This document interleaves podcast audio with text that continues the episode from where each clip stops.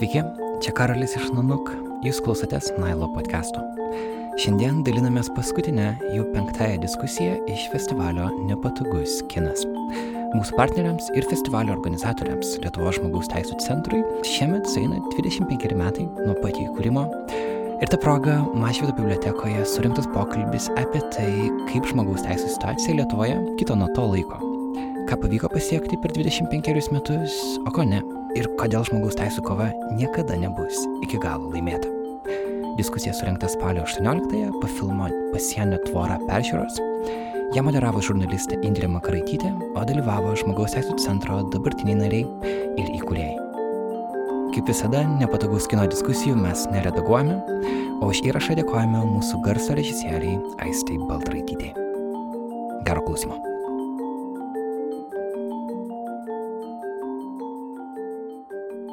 Labai nepabėgit, nes bus diskusija, jeigu dar kas nors turi jėgų diskutuoti. Nematau girvido. Tai nors trumpai pas, ap, aptarsim, pasikalbėsim, aišku, čia e, to nepatogaus kino formate, nepatogus klausimai, kai yra keliami, tai e, čia turbūt yra susirinkusi publika, kuri kaip ir turi atsakymus į tos nepatogius klausimus, bet e, vis tiek pabandykim. Birutė Sabatauskaitė, Lietuvo žmogaus teisų centro vadovė. Girdas Doblys, neformalaus švietimo ekspertas ir steigėjas šito centro, vienas iš jų, vienas iš jų. Liudvika Meškauskaitė, centro narėjai, advokatė. Ir Gedivinas Andriukaitis, festivalio nepatogus kinas direktorius, taip pat centro narys. Ir Oh, anybody needs translation? Just a quick question. Yes. Um,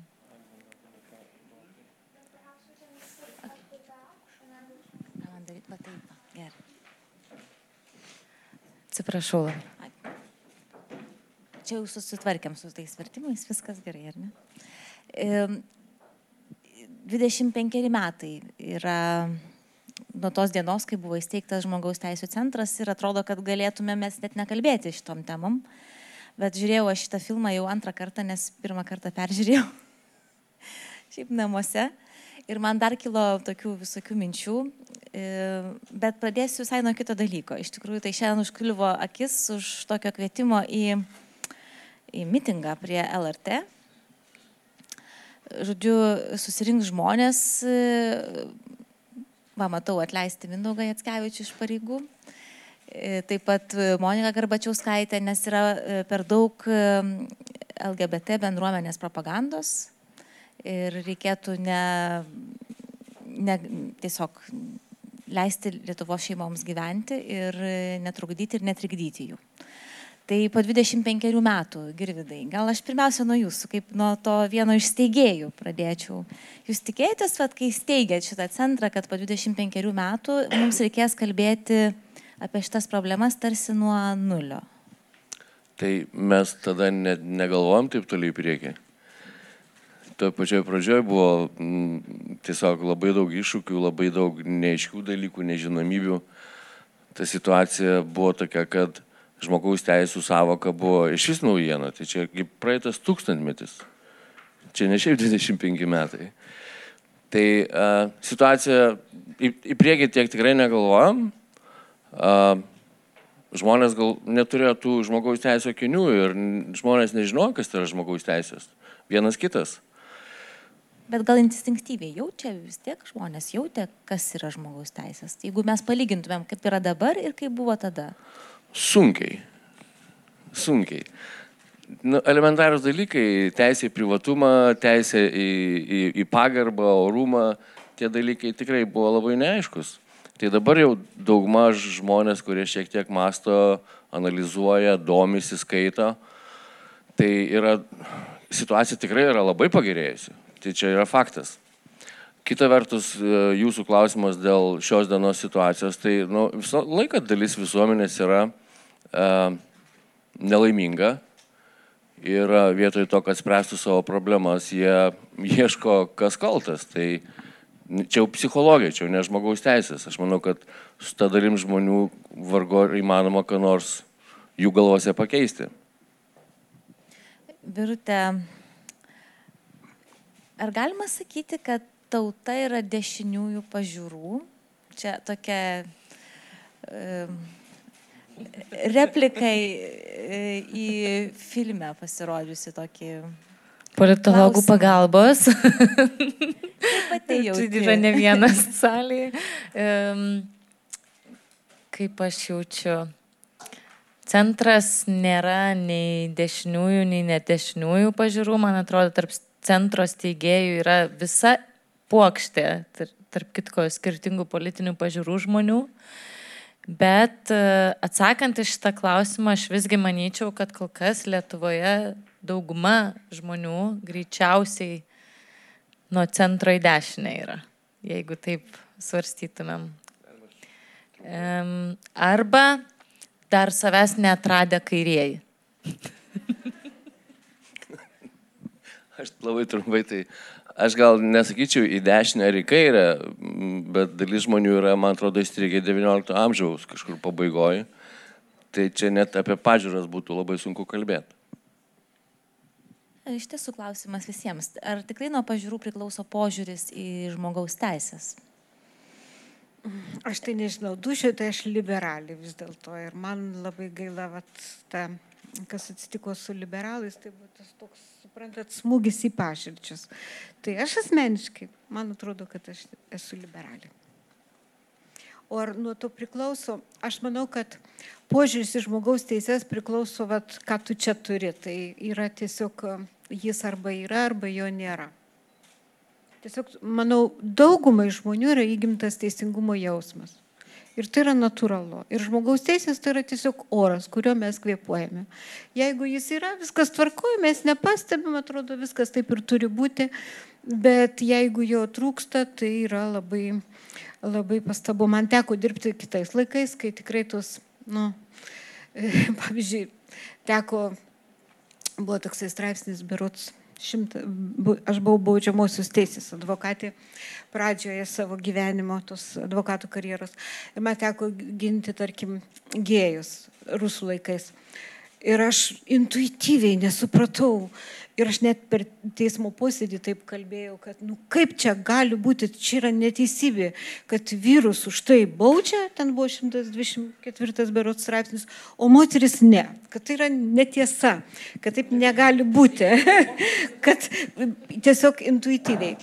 Va. Ir ir, ir suprantat, aš manau, kad požiūris į žmogaus teises yra viduje, nepriklausomai nuo to, ar tu dešinas, de, dešinysis, ar kairysis, ar tu raudonas, ar tu juodas. Liutvika, koks yra tas oras Lietuvoje? Jūs užsiminėte. Žmogaus teisų prasme.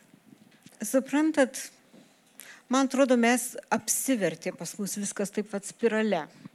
Nes iš tikrųjų aš atsimenu tuos laikus, kai mes atradinėjom teisėjai privatumą ir taip toliau ir jos suklestėjo.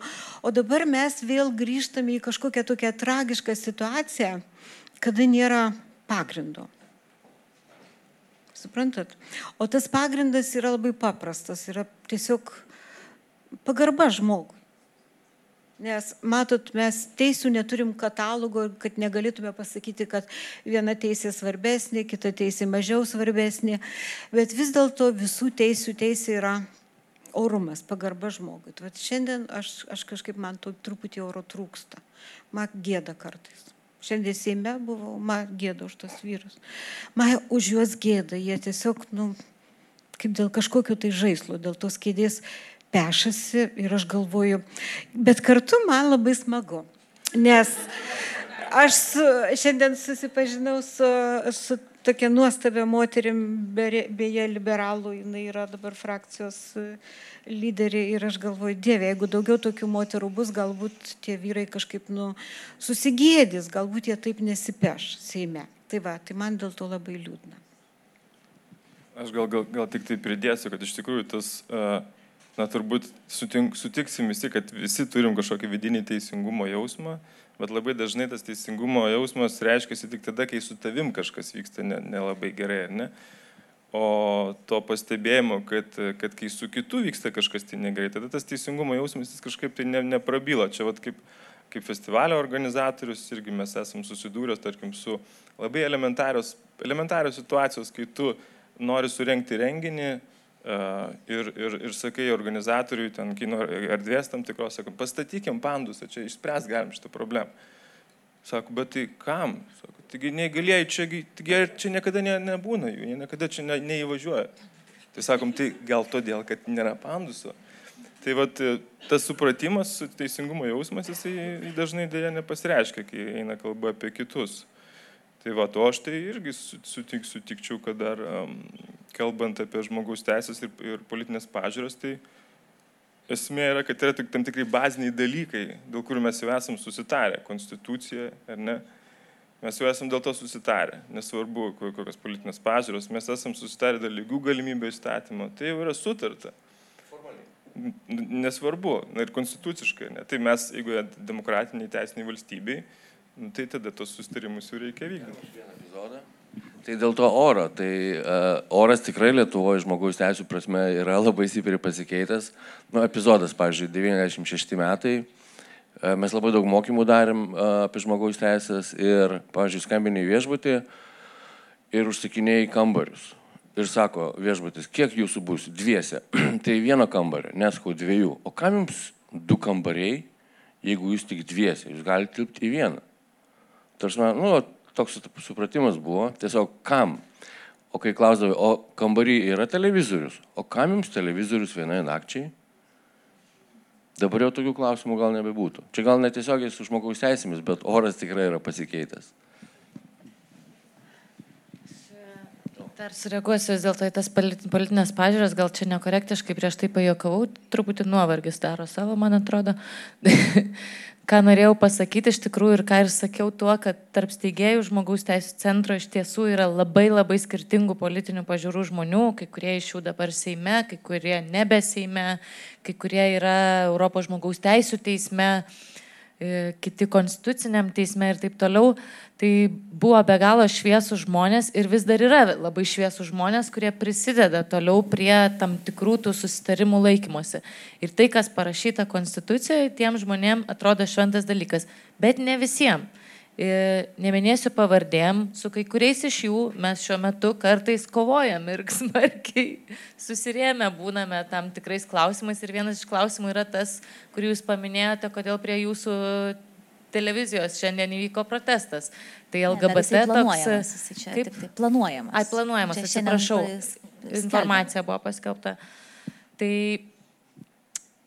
Ir kai kuriais atvejais e, atrodo man, kad e, kai kurie politikai, kaip ir minėjau gal pradžioje, arba ką minėjo čia daugybė žmonių Austrijos pasienyje, e, tiesiog naudojasi tam tikromis grupėmis savo naudai, savo balsų rinkimui.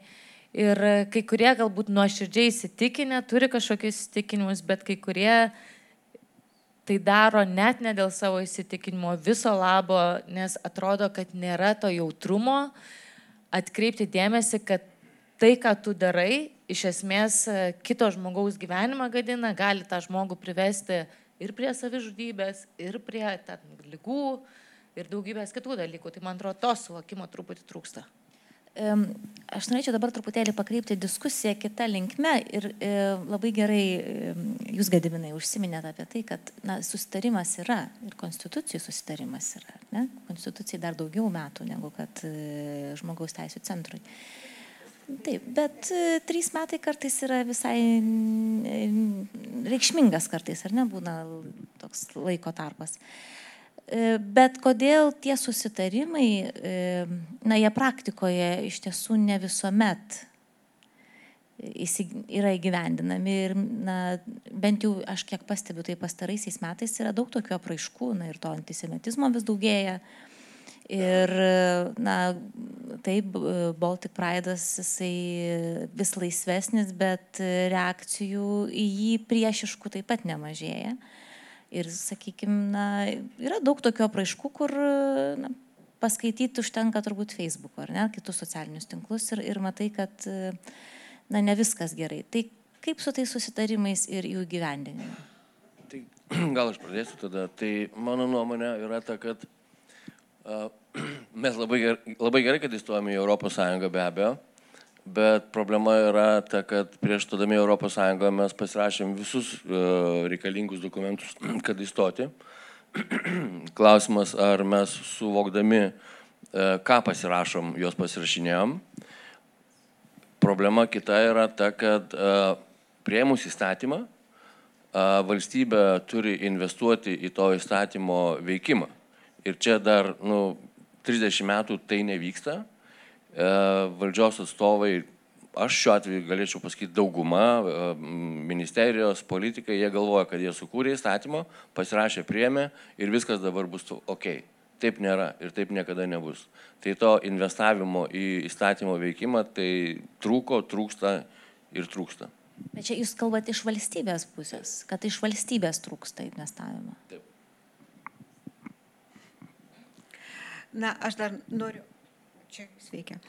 Noriu dar uh, prisiminti tą, vat, mes kaip sakome, koks dabar oras tas. Taip. Iš tikrųjų, tai, žinot, aš norėčiau pasakyti kitką.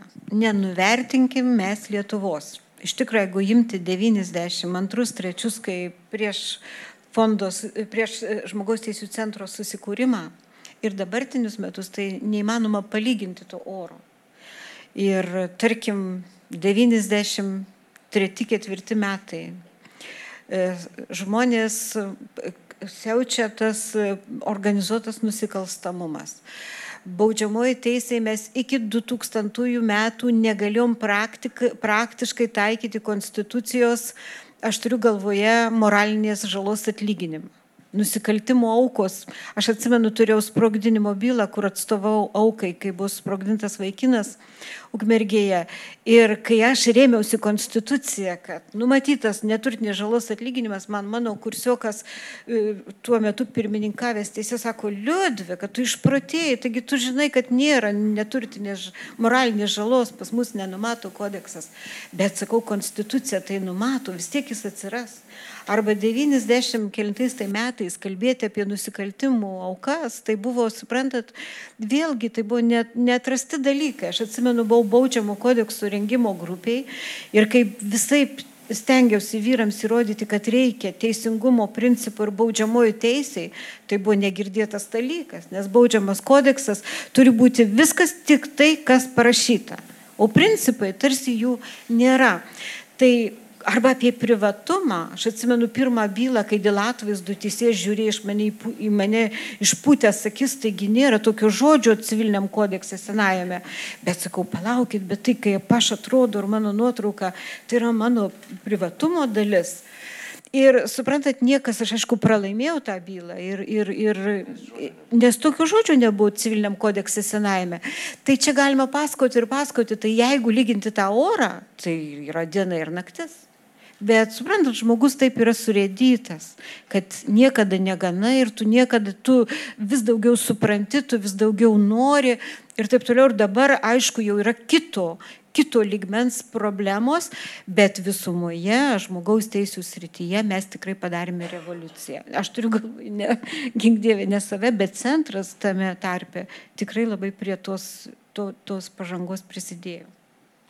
Aš tai gal, gal irgi pridėsiu, kad iš tikrųjų žiūrint šitą filmą, tarsi tikrai galim pasidžiaugti, kad Lietuvoje neturim tokios na, ryškesnės politinės jėgos, įtakingesnės, kuri, ar ne, su, su sienų statybo, tvarų statyba, ar ten pa, kažkokiu tai užtvarų mosavimais kažkaip tą politinį kapitalą savo, savo statyti. Na, viena, viena partija pabandė, man atrodo, plakatuose. O nėra potencialo tokia jėgai atsirasti? Taip, tai va aš norėjau pabaigti, kad, bet nereikia, nereikia kažkaip tai už, užsiliuliuoti ir galvoti, kad viskas yra gerai, nes kai kurie dalykai labai smarčiai pasikeistų, jeigu tas, tarkim, ar, ar tų pačių prieglopščių prašytų skaičius padidėtų smarkiau ir tikrai atsirastų tokie, tokių žmonių, kurie tą tikrai pradėtų naudoti. Nes paskutiniai mūsų pavyzdžiai, čia kalbant apie, apie atminties visą politiką, Noreikos lentelę, apie Lūkiškių aikštę, tai matosi, kad iš tikrųjų yra daug tokios, tokios energijos ir grupių, kurios, nu, joms tiesiog reikia tam tikro stimulo ir, ir tas gali prasiveršti. Ja, toks susipriešinimas ir tada etikečių klyjavimas ir, ir tvorų statyba gali labai įsibėgėti. Dėl kalbant apie tą progresą žmogaus teisų, tai čia yra nuolatinis, nuolatinis darbas, nuolatinis niekada nesibaigiantis darbas. Aš noriu sureaguoti tiesiog kažkaip, kai Liudvika kalbėjo apie nukentėjusi, tokį kaip neegzistuojantį baudžiamajam procese anksčiau. Tai dabar kaip ir situacija teisiškai tikrai pagerėjusi. Yra ir nukentėjusių arba aukų vadinama direktyva ES, bet kai mes kalbam apie tam, tikrų, tam tikros rušies bylas, pavyzdžiui, smurto artimoje aplinkoje, e, jeigu kalbėtumėm prekybą žmonėmis, Arba tikrai, kai labai labai pažeidžiamos grupės būna, tai labai dažnai vis dar galioja tas požiūris, tai nebendradarbiauja, tai keičia parodymus, e, neįvertinant visiškai, kad e, žmonės labai dažnai tą daro, kai yra didžiuliame strese, kartais tas daroma yra netgi su vaikais ir seksualinės prievartos bylose, kai teisėjai išdrįsta paklausti vaikų sėdinčių salėje ir sako, E, vaiko, kuri, prieš kurį buvo panaudota seksualinė prievarta, būdant, būdant trejų, pusantrų metų, tai kokioje tiksliai vietoje ir kuriuo metu tau darė kažkas kažką negero. Kaip gali iš vis e, būti keliamas toks klausimas, tai yra trumuojanti patirtis, kaip galima užduoti tokį klausimą vaikui. Tai mes kaip ir turime tas normas, kurios veda mus į priekį, bet norėtųsi dar turėti tos masės, kritinės masės, kuri sakytų, kad yra svarbu, kaip mes tas normas taikome. Ir ne tik formaliai įteikdami nukentėjusiam, va štai jums dešimt lapų, susipažinkite su savo teisėmis, pabaigoje apklausos, pavyzdžiui. Ir tada sako, o, tai aš turėjau teisę į įrašo atlikimą. Na taip, turėjot. Tai tiesiog atsiprašau, gal truputį ciniškai, bet man atrodo, kad reikia kartais man žiūrėti į tą laikmetį, kuriame mes esame. Mes žengėme į priekį ir akivaizdu, kad oro yra daugiau negu 96, bet jo ir turi būti daugiau. Gal yra e, klausimų iš auditorijos? Ar jau visi nori namo? tai aš pasinaudosiu progą, dar, dar užduosiu keletą. E, Vat jeigu mes tai tokią brūkšnį dėtumėm, 25 metai, ar ne, vat nuo šiandienos, e, kokius jūs matote iššūkius Lietuvoje, vat, žmogaus teisų srityje? Ką dar reikia padaryti ir kas nepadaryta? Aš tai vieną iššūkį tikrai matau, kad to oro turi daugiau tie, kurie turi daugiau pinigų. Va tai yra, manau, pats toks rimčiausias dalykas.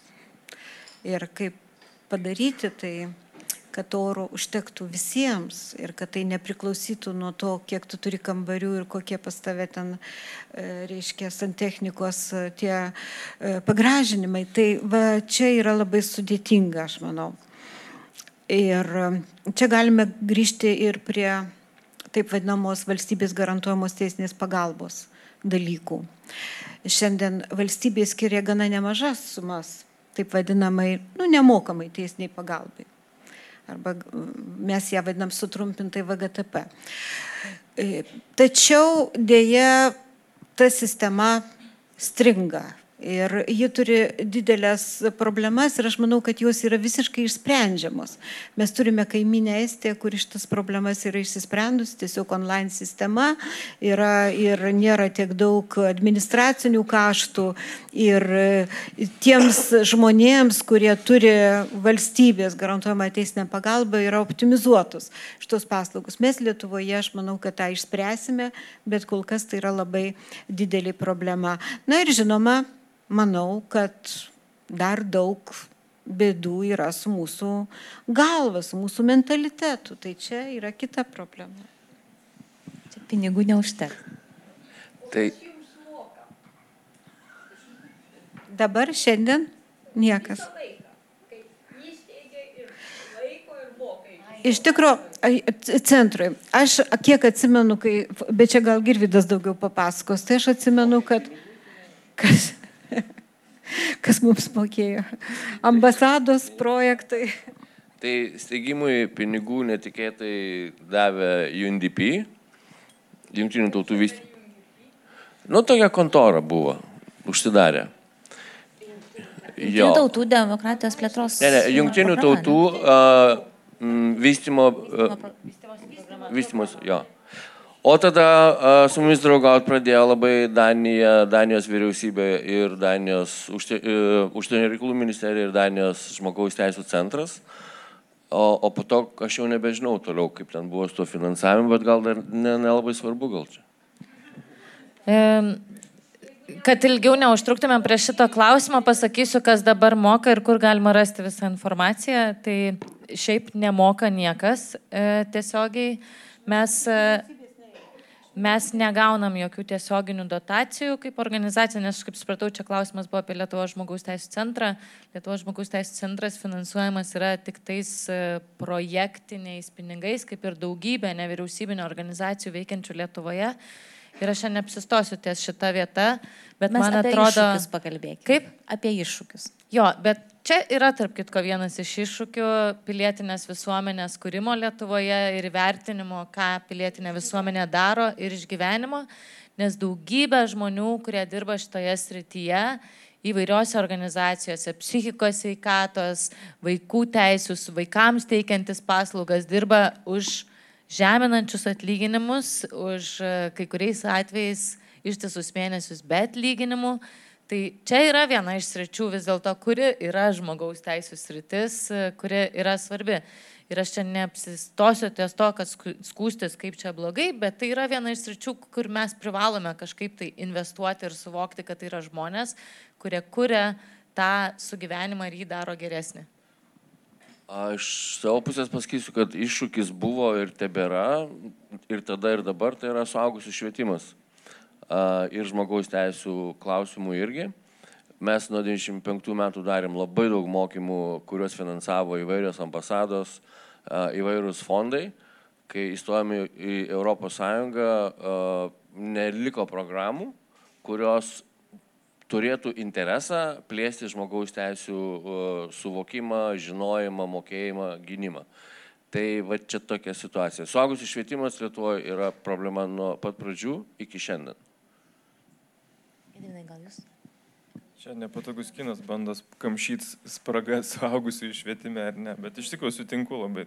A, taip pat ir, ir Liudvikai pritarčiau, kad iš tiesų ta a, socialinė atskirtis, turtinė neligybė, tai tos problemos, kur turbūt, na, Gitanas Nausėda galbūt irgi neveltui buvo išrinktas su savo gerovės valstybės šūkiu, kur daugelis žmonių jaučia iš tikrųjų, kad, kad uh, tas socialinė atskirtis Lietuvoje tikrai kuo toliau, tuo labiau didėja turtinė neligybė.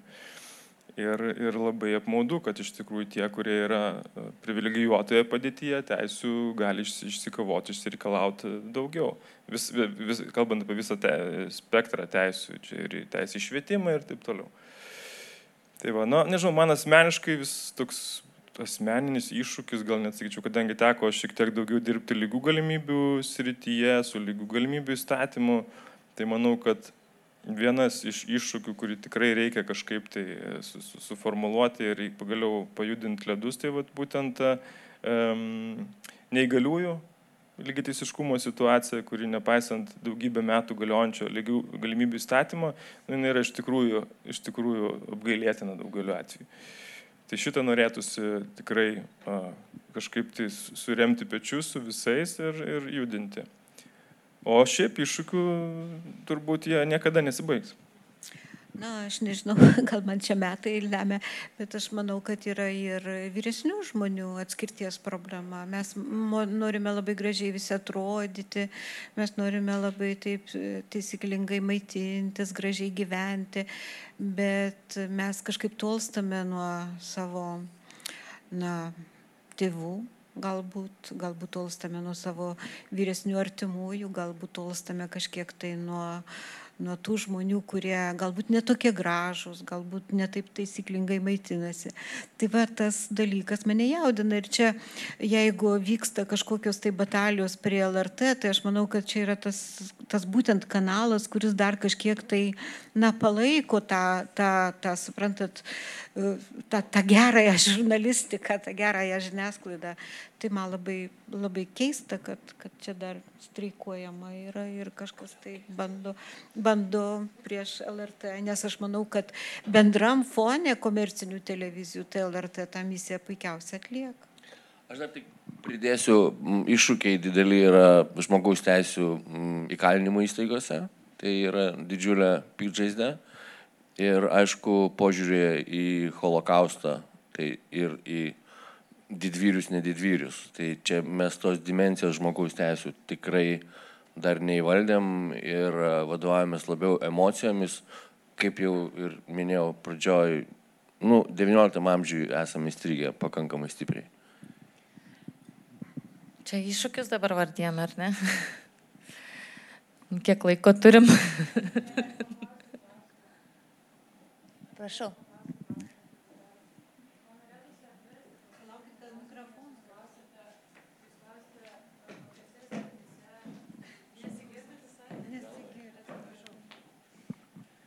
Kažkaip klausant šitos diskusijos, iš tikrųjų norisi apversti paskutinį klausimą, nes jūs um, klausite, kokioje srityje uh, šiuo metu yra iššūkių žmogaus teisų centrui.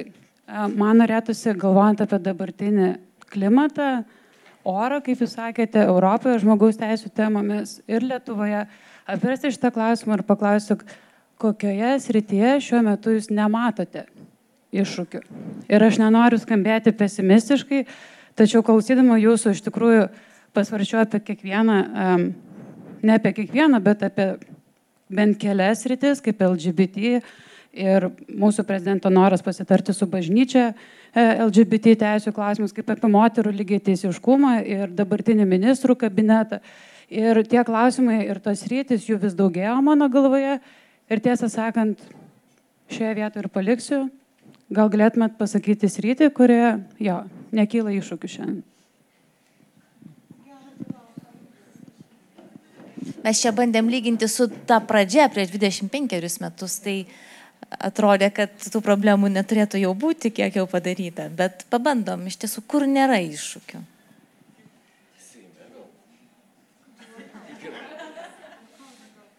Arba gal netgi taip, jeigu sunku atsakyti šitaip, tai kurioje srityje vis dėlto tas progresas yra didžiausias?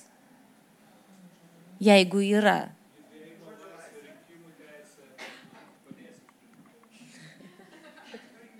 Balsavimo ar ne, teisė į gyvybę.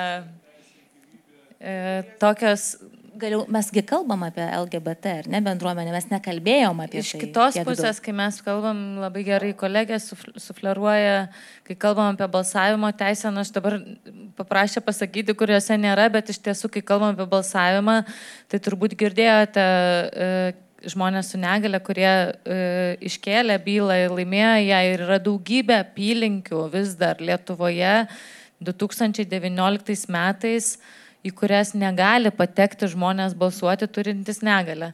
Tai čia yra ta viena iš tokių, kur atrodo pilietinės teisės, tai tos, kur, nu, lik ir neturėtumėm šnekėti. Prašė sakyti, kur nėra problemų, virutė. Taip, gerai, atsiprašau.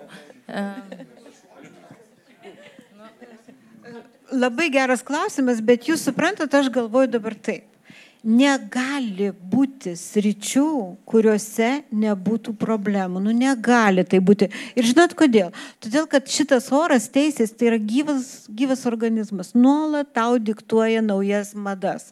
Pavyzdžiui, žodžio laisvė. Iš tikrųjų, mes žodž, su žodžio laisvė, nu, pat, pas mus įvyko baisi revoliucija.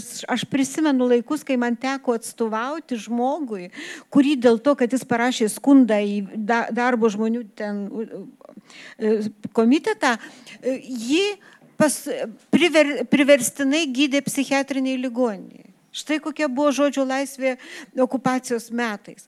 Ir mes tikrai žodžio laisvės rytį, nu, mes tikrai, aš nežinau, bent kaip jūs, aš asmeniškai kalbu galbūt net ir per daug ir laisvai.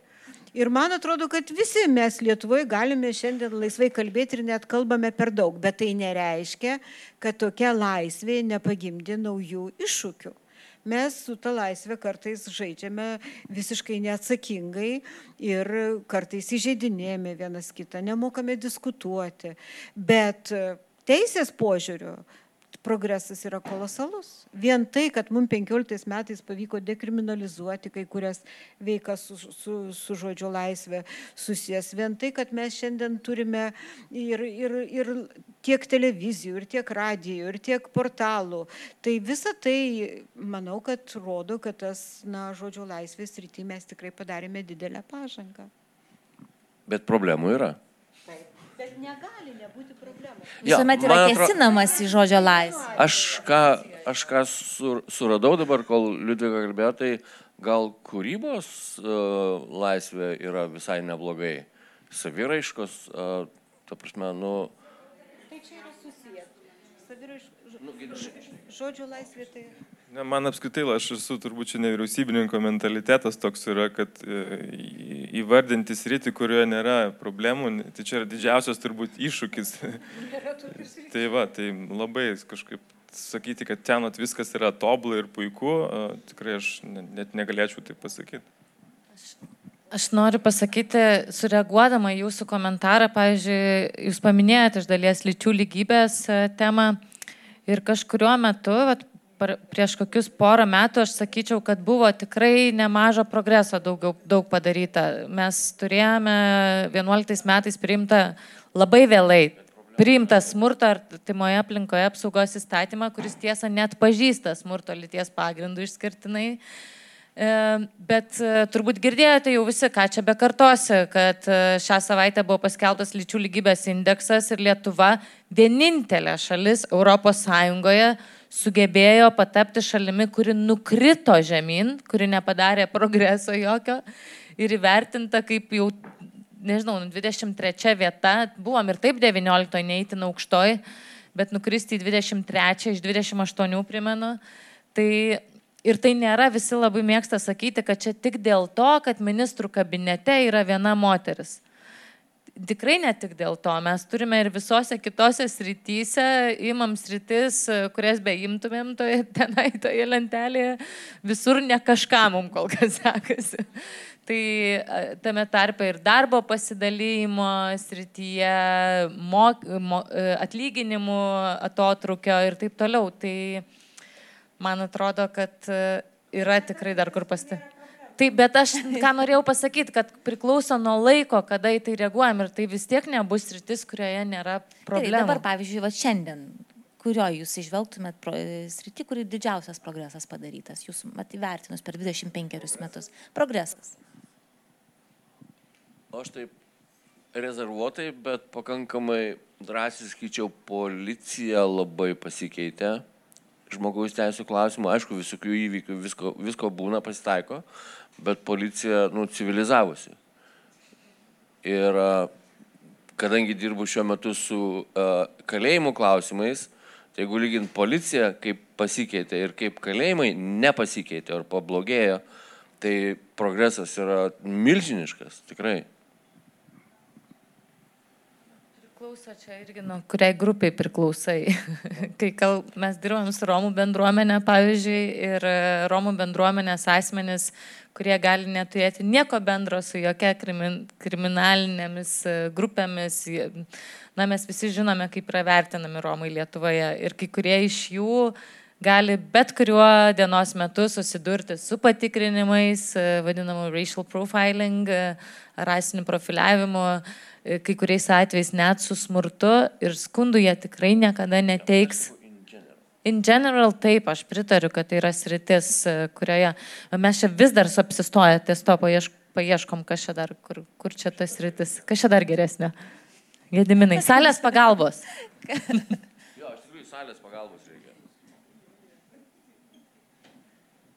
Bet čia gera smegenų, čia yra labai gera smegenų mankšta pagalvoti, ar ne, kas, kur yra didžiausias Nu, aš manau, kad mes toli pažengėm su kodifikavimu. Iš tikrųjų, mes prikūrėm įstatymų, bet čia irgi į, į, įdėgėme europinius standartus. Visa tai yra labai tvarkoj.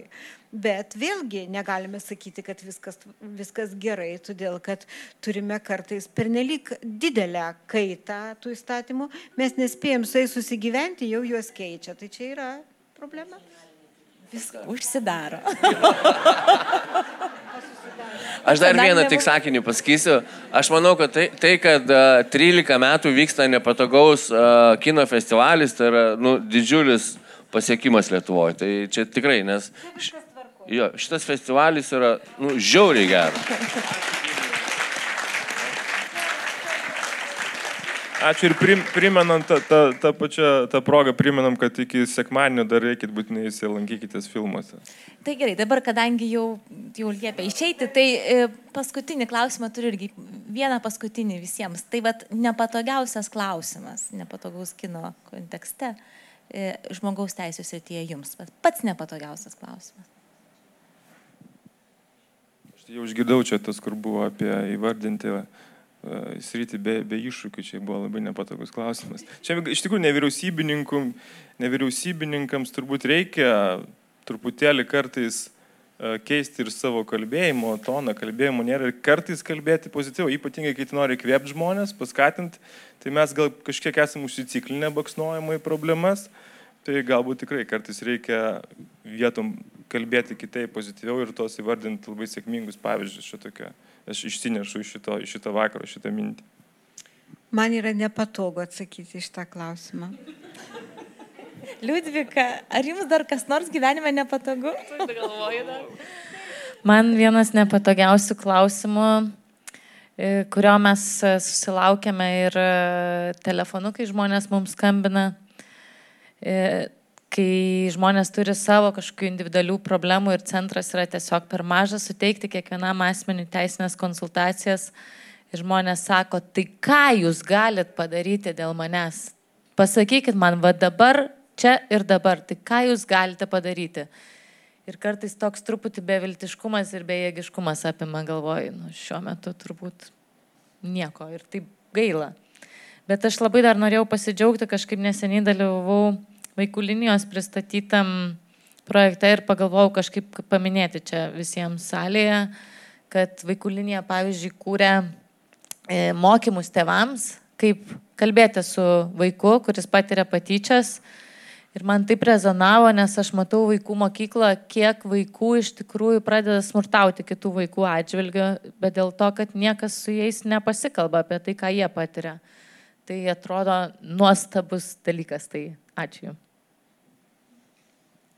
Man nepatogiausias klausimas pirmas buvo, vat, mergina uždavė, antras tai jūsų. Na, aš dabar rimtai atsakysiu. Aš vis dėlto labai labai nepatogiai jaučiuosi, kai aiškiai matau, kad e, neteisingas, tarkim, teismo sprendimas ir aš, aš nieko negaliu padaryti. Va tada tai būna ir gėda, ir nepatogu. Ir tai matyti toks sunkiausias momentas, kada tu jauti tokį bejėgiškumą. Bet čia ne apie patogiausią klausimą, man labai nepatogiai jaučiuosi, kai Seime kalasi skirtingų požiūrių a, politikai, frakcijos, nesvarbu kas, ir jie visi prisidengia demokratiją stovi priešingose barikadų pusėse visiškai vertybiškai, bet ir tie už demokratiją, ir tie už demokratiją, ir tiem žmogaus teisės rūpi, ir tiem žmogaus teisės rūpi. Seime visiškai demokratija. Normalu, bet tai yra normalu. Žmonės neturi būti vienodi, jie skirtingai supranta. Man yra labai, labai nepatoguma, tiesiog gėda, kada žmonės įrodinėdami savo tiesą pradeda vienas kitą įžeidinėti ad hominem. Va čia yra viskas dugnas. Ir šito dugno daug Lietuvoje. Tai vad, kad jo būtų mažiau, tai tikrai būtų geriau. Na, su ta va, tokia viltinga Liudvikos, viltingų Liudvikos palinkėjimu. Labai ačiū, kad buvot ir jau užsidaro biblioteka, viskas bėgam.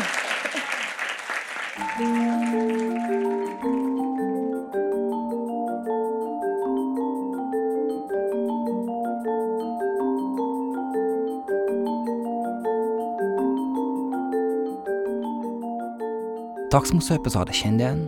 Ačiū, kad buvote kartu.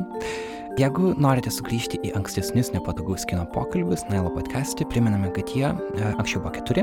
Pirmasis buvo apie miškų situaciją Lietuvoje, kitas buvo pavadintas Kai griūva nacionalinio herojaus mitas, taip pat kita diskusija buvo apie žmogaus pėdsaką Žemėje ir paskutinioji buvo apie visuomenės interesą ir žurnalistiką. Ačiū Juratį Užkaitį, viena iš nepatogus kino organizatorių, už visą pagalbą organizuojant šias diskusijas ir e, sudarinant galimybę mums jas įrašinėti ir publikuoti. Ir apskritai visai nepatogus kino komandai už tai, kad šį festivalį kasmet rengia ir skatina kalbėjimąsi apie žmogaus teisų situaciją Lietuvoje. Mums gera prie šios veiklos prisidėti. O jeigu norite palaikyti specifiškai mūsų podcastą, mūsų Patreon puslapis visą laiką laukia jūsų. patreon.com slash nanukmultimedia, kaip vienas žodis, ten galite prisidėti nuo 1 dolerio per mėnesį iki tokios sumos, kokią jūs galite skirti. Ačiū už tai ir susitinkame antradienį įprastame Nailo epizode. Iki.